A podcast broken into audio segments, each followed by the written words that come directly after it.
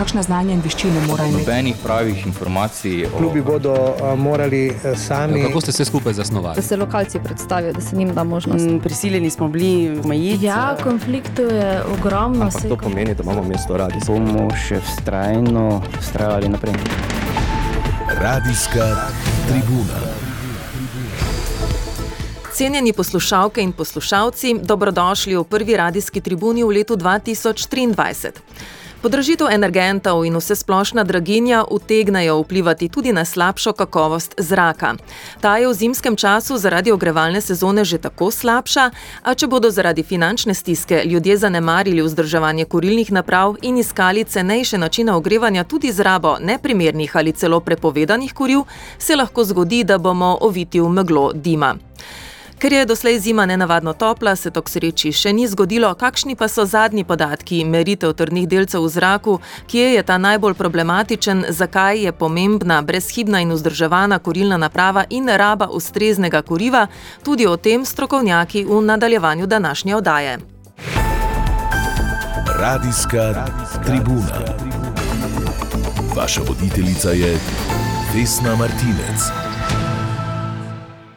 Z nami v studiu Radia Maribor sta najbolj pristojni osebi, kar zadeva kakovost zraka in meritve na območju Maribora in okolice, vodja skupne službe za varstvo okolja pri skupni občinski upravi Maribor Cvetka Slana in Uroš Lešnik, vodja enote za kakovost zunanjega zraka pri nacionalnem laboratoriju za zdravje, okolje in hrano v tukajšnji enoti. Torej, gospod Uroš Lešnik in gospod Cvetka Slana, dobr dan. Pozdravljeni. Lepo pozdravljeni vsem poslušalkam in poslušalcem. Ker so energenti dražji, dragini ni videti konca, zima, zima pa bo še dolga, se pristojni torej bojijo, da bo zrak slabši. V zadnjih letih se v večjem deležu uh, že tako uporablja uh, les za ogrevanje, kot je to bilo v preteklosti, in ta bolj obremenjuje zrak. Raba neustreznih koril kot iskanje rešitve v sili zaradi finančne stiske pa bi seveda stvar še poslabšala. Gospod Svetka Slana, kakšni so aktualni podatki meritev o nesnaževalu zraku, uh, zadnji podatki, ki jih imate, in pravzaprav kje in kaj se meri. Lepo pozdravljeni še enkrat. E, mogoče na začetku najprej povemo, kje se meri in kaj se meri. E, v Mariboru e, obstaja tako imenovana državna merilna mreža, v okviru katere imamo e, dve merilni postaji in sicer postajo center in pa postajo vrbanski plato. Eh, prav tako imamo eh, štiri merilna mesta v okviru eh, mestne merilne mreže in sicer imamo merilno mesto na Teznu, v Krekovi oziroma Tirševi ulici, v Radvanju. In pa merilec ozona na Pohorju. Hkrati pa smo z prvim prvim letošnjega leta vzpostavili tudi novo merilno mesto na območju mestne četrti Pobrežje, kjer še prej nikoli nismo merili. V okolici se meri zrak tudi v občini Ruše in pa v eh, bližnji občini Miklaš na Dravskem polju. Zdaj merijo se različna onesnaževala, ki nekako najbolj vplivajo tudi na naše eh, zdravje. To so dušikovi oksidi, dušikov dioksid, potem so uh, drobni trdni delci v zraku, to so delci PM10, jim rečemo, in pa še manjši delci PM2,5. Meri se ozon, in pa posebej v delcih PM10 se meri vrednost benzoapirena in pa eh, na enem merilnem mestu, to je v Krekovi ulici, merimo tudi črni oglik ali po domače saje. Kar se tiče vrednosti, ki smo jih izmerili, kar ste že vprašali v eh, zadnjih dneh ali pa v zadnjih urah, eh, ta trenutek dihamo eh, zelo čist zrak. Ta zadnje poslabšanje oziroma povišanje koncentracije, predvsem delcev, so pa seveda bila v jutranjih urah, takoj uh, po polnoči, uh, zaradi Silvestrovega in pa ognjemetov. Uh, se pa tudi tukaj že vidi uh, velika razlika, uh, glede na to, da občina Maribor uh, ni že nekaj let organizirala lastnega ognjemeta, da je na postaji center bil. Uh, zelo, torej so bila zabeležene zelo nizke vrednosti delcev, medtem ko recimo na območju Tezna, kjer so bili prisotni pa zasebni ognjemeti, je pa bilo malo višje. Tako da lahko tukaj spet malo potrkamo na zavest občanov, da to vsekakor ni dobrodošlo, ampak nekako je to onesnaženje trajalo tudi zaradi meteoroloških razmer zelo kratko obdobje. Um, gospod Lešnik, vi ste, imate prav grafični prikaz, kako se pozna vpliv ognjemetov oziroma druge pirotehnike na kakovost zraka. Uh, kaj bi lahko rekli tej, o tej silvestrski noči? Uh, koncentracije so začele naraščati malo pred polnočjo in potem nekje do dveh so bile visoke. Potem pa je na srečo meteorologija, so te delce malo izčistila iz ozračja. In uh, dejansko hočem še podariti enkrat, da ne, uh, meteorologija ima zelo velik vpliv na, na kakovost zunanjega zraka. In v letošnjem prehodu iz starega v novo leto smo imeli to srečo, da uh, je v bistvu te delce zelo hitro odpihnilo, so se odstranili iz atmosfere. Tako da po drugi, oziroma po tretji uri zjutraj smo že imeli dokaj čist zrak. Uh, uh, seveda, če ga primerjamo z prejšnjimi leti, torej bi lahko rekli zelo, uh, v bistvu bistveno čistejši. Kar pa bi seveda v primeru neugodnih razmer m, bilo bistveno drugače in bi lahko ta onesnažen zrak dihali še nekje 2-3 dni. Ne. Zdaj, če pogledamo celotno leto 2022, kakšen zrak je bil v primerjavi s preteklimi leti, koliko krat smo presegli dovoljene vrednosti na merilnih mestih, na katerih vi spremljate kakovost zraka? V centru smo v začetku leta izmerili tri preseganja, zdaj za decembr pa žal se ni končnih podatkov.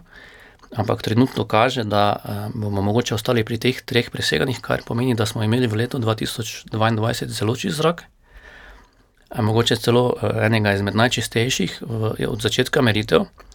Vendar nas sedaj vse skrbi, kaj se bo zgodilo zaradi podražitve energentov, ki smo mu priča zadnji čas, in zato, ker dosti ljudi se vrača in se ogreva z lesno biomaso, ki pa zelo onesnažuje ozračje.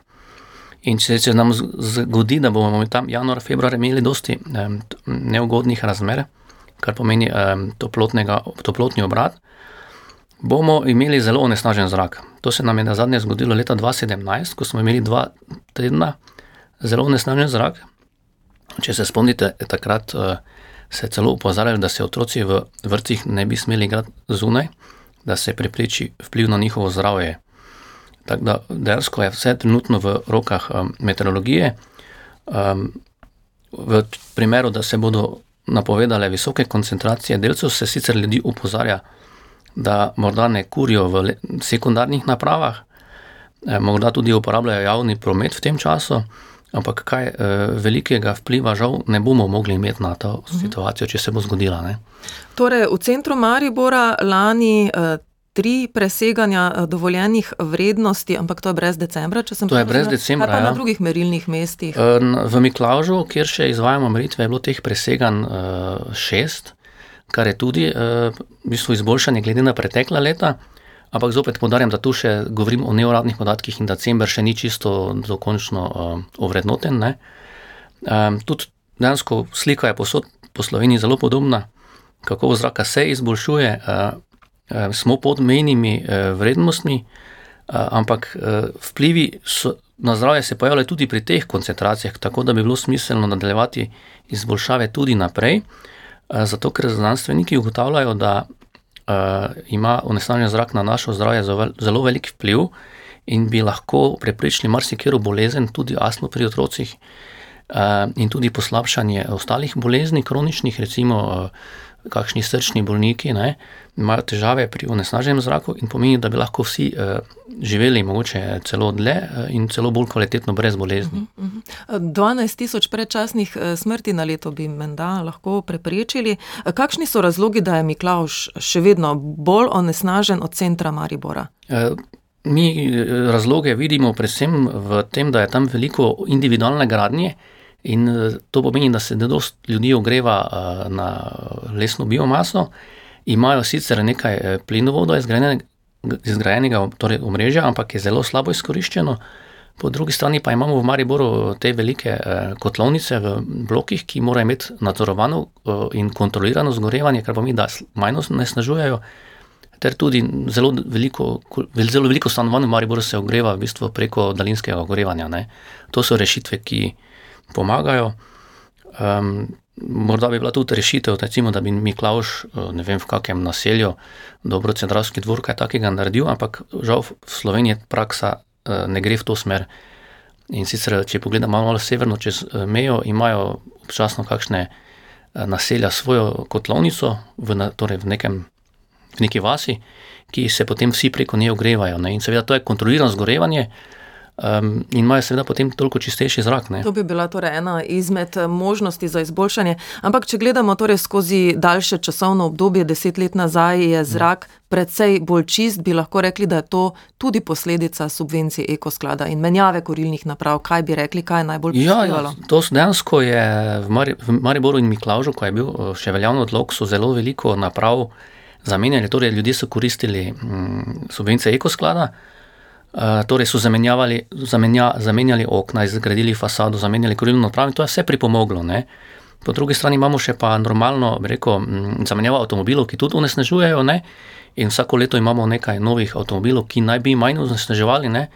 In tudi vse to dejansko vpliva ne, uh mhm. -huh. na čistejši zrak. Bi lahko uh, zdaj, uh, ko uh, sta Maribor in uh, Miklaš ne sodita več med tako zelo nesnažene in m, občani niso več upravičeni do dodatne subvencije, še vedno pa lahko dobijo subvencijo, se bi lahko to obrnilo te pozitivne trende ali pa jih zaustavilo? Mm, morda bi se lahko upočasnili, če bi mogoče bili odkriti. Ne? Zdaj, seveda pa s tem povezana ravno ta podražitev energentov. Mogoče se lahko situacija obrne zaradi te rusko-ukrajinske krize in te podražitve energentov, ne, če recimo zmanjka, oziroma bo zelo rekel, plin drag, bodo ljudje vseeno šli nazaj na drva. Ja. E, gospa Slana. Ja, mogoče bi jaz tukaj se vključila in dopolnila.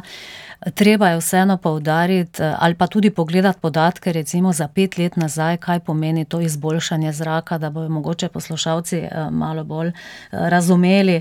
Recimo danes zjutraj smo imeli na merilni postaji center v Mariboru izmerjenih 12 eh, mikrogramov eh, trdnih delcev na kubik zraka. Kaj to pomeni, ta številka? Namreč zakonodajna, eh, mejna, povprečna dnevna vrednost, ki se jo prekorači ali pa ne, torej 50 mikrogramov. Mi smo imeli 12, ko je gospod Urož govoril o velikem preseganju za tistih nekaj ur po polnoči, pomeni to od 150 do 180 mikrogramov na kubik zraka. To je ta razlika in prekoračitev. Ogromno preseganje. Ogromno. In zdaj, če pogledamo mogoče mogoče, uh, mogoče uh, dolgoletna spremljanja in to kontinuiteto, kar ravno meritve prinašajo, da se sploh lahko o tem pogovarjamo, uh, lahko pohvalimo vse občine, od Miklauža, Maribora, Ruš in vseh okoliških.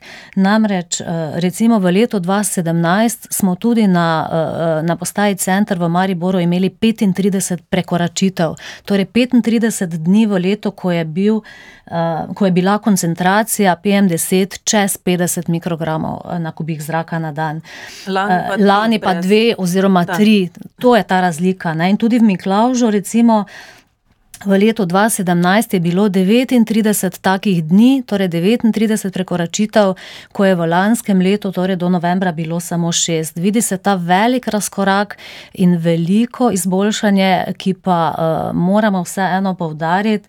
Uh, je pravzaprav rezultat uh, prizadevanj vseh treh, da ne rečem, nivojev uh, sodelovanja, od države preko subvencij do občin z svojimi, bom rekla, proračunskimi zmožnostmi, da, gre, da grejo občine tudi v energetsko obnovo, v trajnostno mobilnost, vse to pripomore tudi z naše strani k ozaveščanju in na koncu koncev je treba pohvaliti tudi ljudi, ljudi, zato ker uh, so uh, se podali torej v zamenjavo starih korilnih naprav, kar je najbolj pomembno, koristili subvencije in verjamem, da so že toliko ozaveščeni, da tudi kriza, ki je prišla in verjamem, da bo tudi, uh, bom rekla, izvenela čez nekaj časa ne bo, ne bo prinesla bistvenih poslabšanj, ker verjamemo nekak ljudi, da uh, se bodo torej posluževali subvencij tudi naprej. In podatek lahko morda povem za orientacijo,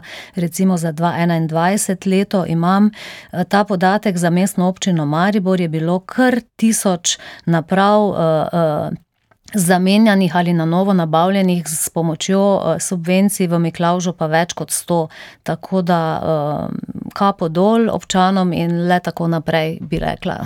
Zdaj, ko govorimo o teh preseganjih 35 na leto pred leti in zdaj 3, eh, to govorimo o trdnih delcih v zraku, že PM10. Kakšni so pa še drugi parametri, ki jih spremljate in ali morda še, kak še posebej skrbi? Eh, spremljamo še seveda druge parametre, predvsem je tukaj ta uh, policiklični uh, aromatski oglikovodik znotraj delcev PM10, to je tako imenovan benzoapiren. V Mariboru ga merimo tako v centru kot na teznu. Ta je nekako najbolj tudi, um, bomo rekli, zaskrbljujoč za, za zdravje oziroma njegov vpliv na zdravje. Ali narašča? Tako, eh, ne pada, hvala Bogu, pada. Recimo v letu 2017 je bilo v Mariboru kar. Um, 28 uh, teh preseganj, uh, v letu 2021 pa kar uh, 23, tako da se je bistveno zmanjšalo. Kaj to pomeni? To pomeni, da so te letne srednje vrednosti uh, uh, bile toliko manjše. Um, uh, vrednost se pa meri torej v nanogramih na kubik zraka. Ne vem, v letu 2017 je bilo čez ena na kubik zraka, v letu 2021 pa recimo na postaji tezno 0,7. 70, tako da pada in smo tega veseli. No, naslednje onesnaževalo je pa tudi. Uh, Črni oglik, ki sem ga na začetku omenila, tako imenovane saje, Te so seveda v delcih tudi vedno prisotne, se nižajo, ampak je zanimivo to, da jih merimo tudi v deležu, koliko je teh saj prisotnih iz naslova uh, prometnih onesnaževal, torej izgorevanja fosilnih goriv in koliko je teh črnih saj zaradi kurjenja lesne biomase. Tukaj pa žal eh, se procent pri deležu lesne biomase dviguje, pri prometu pa znižuje. To je ta razlika. Zato je mogoče apel um, ravno uh, za vse ljudi, ki kurijo na lesno biomaso, da je pač potrebno biti pozoren uh -huh. na kakovost. No, razmere na terenu dobro poznajo dimnikarji in predstavil nam jih je Aleksandr Županek, predsednik Komisije za dimnikarsko dejavnost pri zbornici komunalnega gospodarstva. Eh, tudi on je povedal, da je v gospodinstvih zaznati več korilnih naprav na lesno biomaso kot v preteklosti in veliko krat namerijo previsoko osebnost vlage v tem lesu. Eh, pogovor smo posneli vnaprej, pa predlagam, da prisluhnemo in potem pokomentiramo. V zadnjih letih se opaža, kar je tudi verjetno v medijih zaslite, da je veliko več dimniških požarov. Problem je eh, velik in žalosten, da so tudi zelo velike škode da so tudi ogrožena življenja, da prihaja do zastrupitev.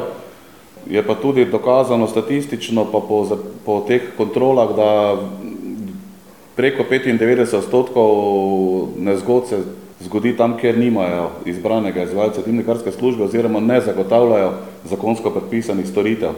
In dimniški požari, in nepravilno vgrajene kurilne naprave, eh, ker če se dejansko držiš tega, kar je zapisano, pa da ti dimnikarska služba, tista, tisti izvajalci, ki vedo, kaj je njihova naloga, eh, zagotavljajo te storitve, je zelo malo majhna možnost, da pride do bilo kakšnih nesreč.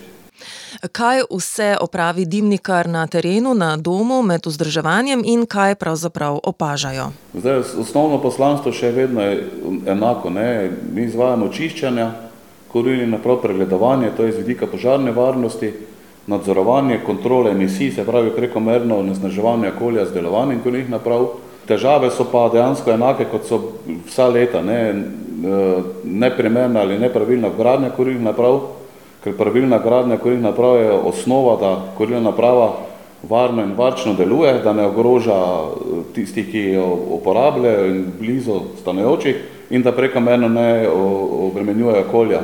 Potem je seveda primerno posluževanje, dosti se na terenu opaža, da Eh, uporabniki ali pa lastniki ne znajo uporabljati svoje kurilne naprave ali jih neprimerno.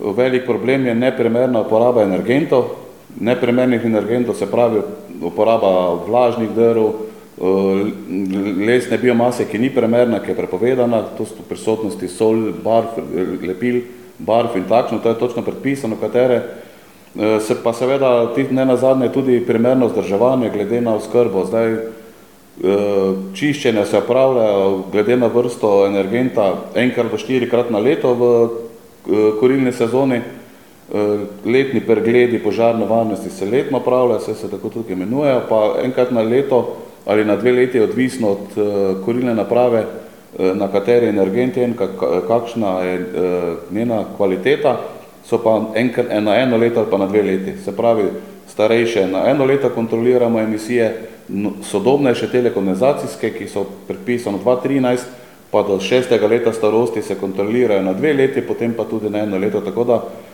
če je korilna naprava oskrbovana v skladu z tem, kar je predpisano, je zelo, zelo malo možnosti, da pride do bilo kakšnih težav ali nesreč. Torej, merite tudi emisije, kateri energent je najbolj problematičen, pri kakšnih kurilnih napravah so emisije največje? Problem je seveda trenutno največja lesna biomasa, se pravi tukaj veliko zadnja leta govorimo o PM10 delcih in tudi manjših, zdaj največje izpusta za PM10 trdnih goriv, se pravi lesne biomase. Nekatere kurilne naprave z avtomatiziranim dodajanjem, se pravi peleti, sekanci, se že zdaj je prepisano, da se kontrolira tudi emisija, se meri tudi na lesno biomaso. Res pa je, da je problematika emisij v starosti in konstrukcije kurilnih naprav v Sloveniji je še vedno poprečna starost 20-25 let na trdna goriva.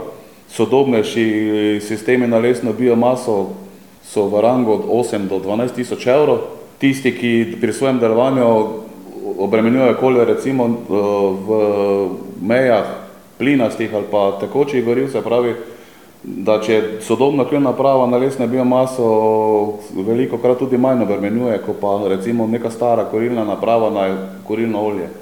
Ampak še vedno so največji obremenjevalci kurilne naprave na trdna goriva, se pravi na lesno biomaso, to pa zato, ker so stare, njihova starost, ko smo vedeli 20-25 let, neprimerna raba energentov, moker les, dejansko včeraj v gozdu, danes v peči, vse pa je posledica zadnjih dveh let problematike in covidne in ekonomske in kot vidite, koliko se je podražilo vse skupaj, je problem sploh z ogrevanjem tistih, ki so ekonomsko dejansko šibkejši in uporabljajo za ogrevanje vse, kar je možno v starih ogrevalnih sistemih. Vas skrbi, da bi lahko finančna kriza situacijo še poslabšala? Ja, saj mi se bojimo, da bo zaradi ekonomske krize nastalo na tisoče malih sežigalnic, ne, odpadkov.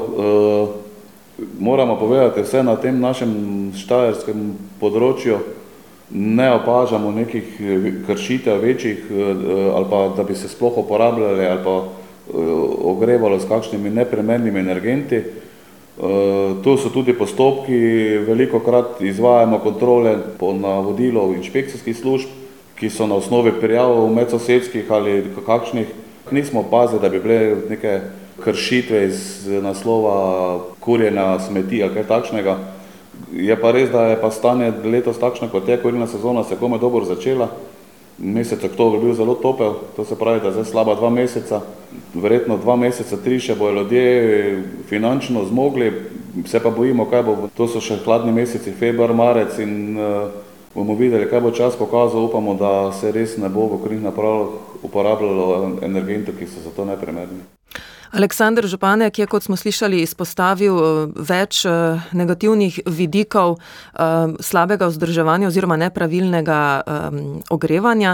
Torej en vidik je varnostni, prihaja do dimniških požarov, če naprave niso vzdrževane, potem negativen vpliv na zrak in naše zdravje in pa pravzaprav manj toplote daje recimo prevlažen les. Gospod Lešnik, delite njegovo bojazen, da se lahko zgodi, da bomo dobili veliko majhnih sežigalnic odpadkov, kot se je izrazil, in pa kakšen je pravzaprav nadzor nad tem, kaj ljudje kurijo? Mislim, da mogoče sicer ta strah ni tako utemeljen, da bi se to zgodilo v takem številu. Kaj se bo pa zgodilo, če dejansko zmanjka drugih energentov, je pa posebna zgodba. Ne?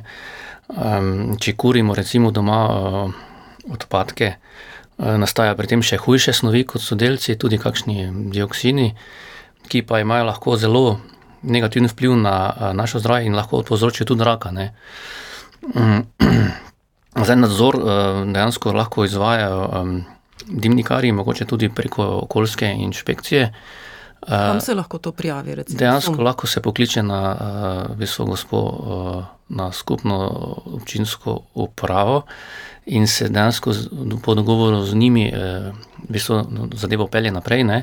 Vse interes je njihov in tudi vseh nas, da bi bil zrak čistejši. Uh -huh. Tako da. Gospa Slana, slišali smo, kako škodljive so določene snovi, recimo od plastike. Prej smo tudi omenili podatek 12 tisoč predčasnih smrti na leto. Se ljudje dovolj zavedajo negativnega vpliva teh emisij na svoje zdravje? In kaj je v bistvu vaša naloga, tudi naloga vaše službe na področju ozaveščanja ljudi? Tako kot ste že sami nakazali, naša naloga je ozaveščanje non-stop, bom rekla, vsako kurilno sezono, pred kurilno sezono, pred časom ognjemetov, kadarkoli, tega se zavedamo, ker res je, da opažamo vse večje zavedanje, ljudje se zavedajo tega, veliko tudi mediji pripomorete, vas moram kar pohvaliti, več se govori, bolj se to tudi dotakne ljudi na koncu koncev. Mi imamo na naši okoljski spletni strani okolje.maribor.si tudi posebno rubriko, ki smo jo naredili pred letošnjo kurilno sezono in se imenuje Energetski nasveti za občane, zato da občan res takoj najde vse to, kar je tudi gospod županek povedal. Tudi imamo posebej rubriko za svetovalno agencijo En svet, kjer piše točno, kam je potrebno dati prijavo, če opaziš, da kdo kuri odpadke. Skratka, ta naša naloga je zares kontinuirna in se bomo trudili v to smer tudi naprej v imenu vseh naših občin. Ker smo pri koncu še čisto na kratko, zdaj so te mejne vrednosti pri nas določene precej visoko, ali se bodo znižale in kakšne bodo? Namreč Svetovna zdravstvena organizacija svetuje nižje vrednosti, morda gospod Lešnik. Ja, dejansko naša zakonodaja ustreza zahtevam Evropske unije. WHO pa ima zaradi svojih dognanj nižje vrednosti. Ne. Dejansko obstaja vedno pritisk oziroma želja, da bi se te vrednosti znižale. To, se bo bi, to pri nas zgodilo in kdaj? To, se, to je zelo odvisno od, od, od vodenja Evropske unije. Koliko poudarka se bo dalo na to, o tem se govori že dlje časa, ampak se še ni premaknilo. Pričakujemo, da se bo v prihodnjih letih. Tukaj bomo torej naredili piko, če sklenemo, kaj kurimo, se pozna na zraku, ki ga dihamo, in tudi na našem, na našem zdravju. Zato je razlogov, da upoštevamo pravila in napotke več kot veliko. Najlepša hvala obema sogovornikoma in lep in uspešen začetek novega leta vam želim obema. Hvala. Hvala enako. Vse dobro pa tudi našim poslušalcem, oddaji lahko že kmalo znova prisluhnete na spletu ali med podcasti. Ostanite v naši družbi tudi v letu 2023. Radijska tribuna. Radio Maribor.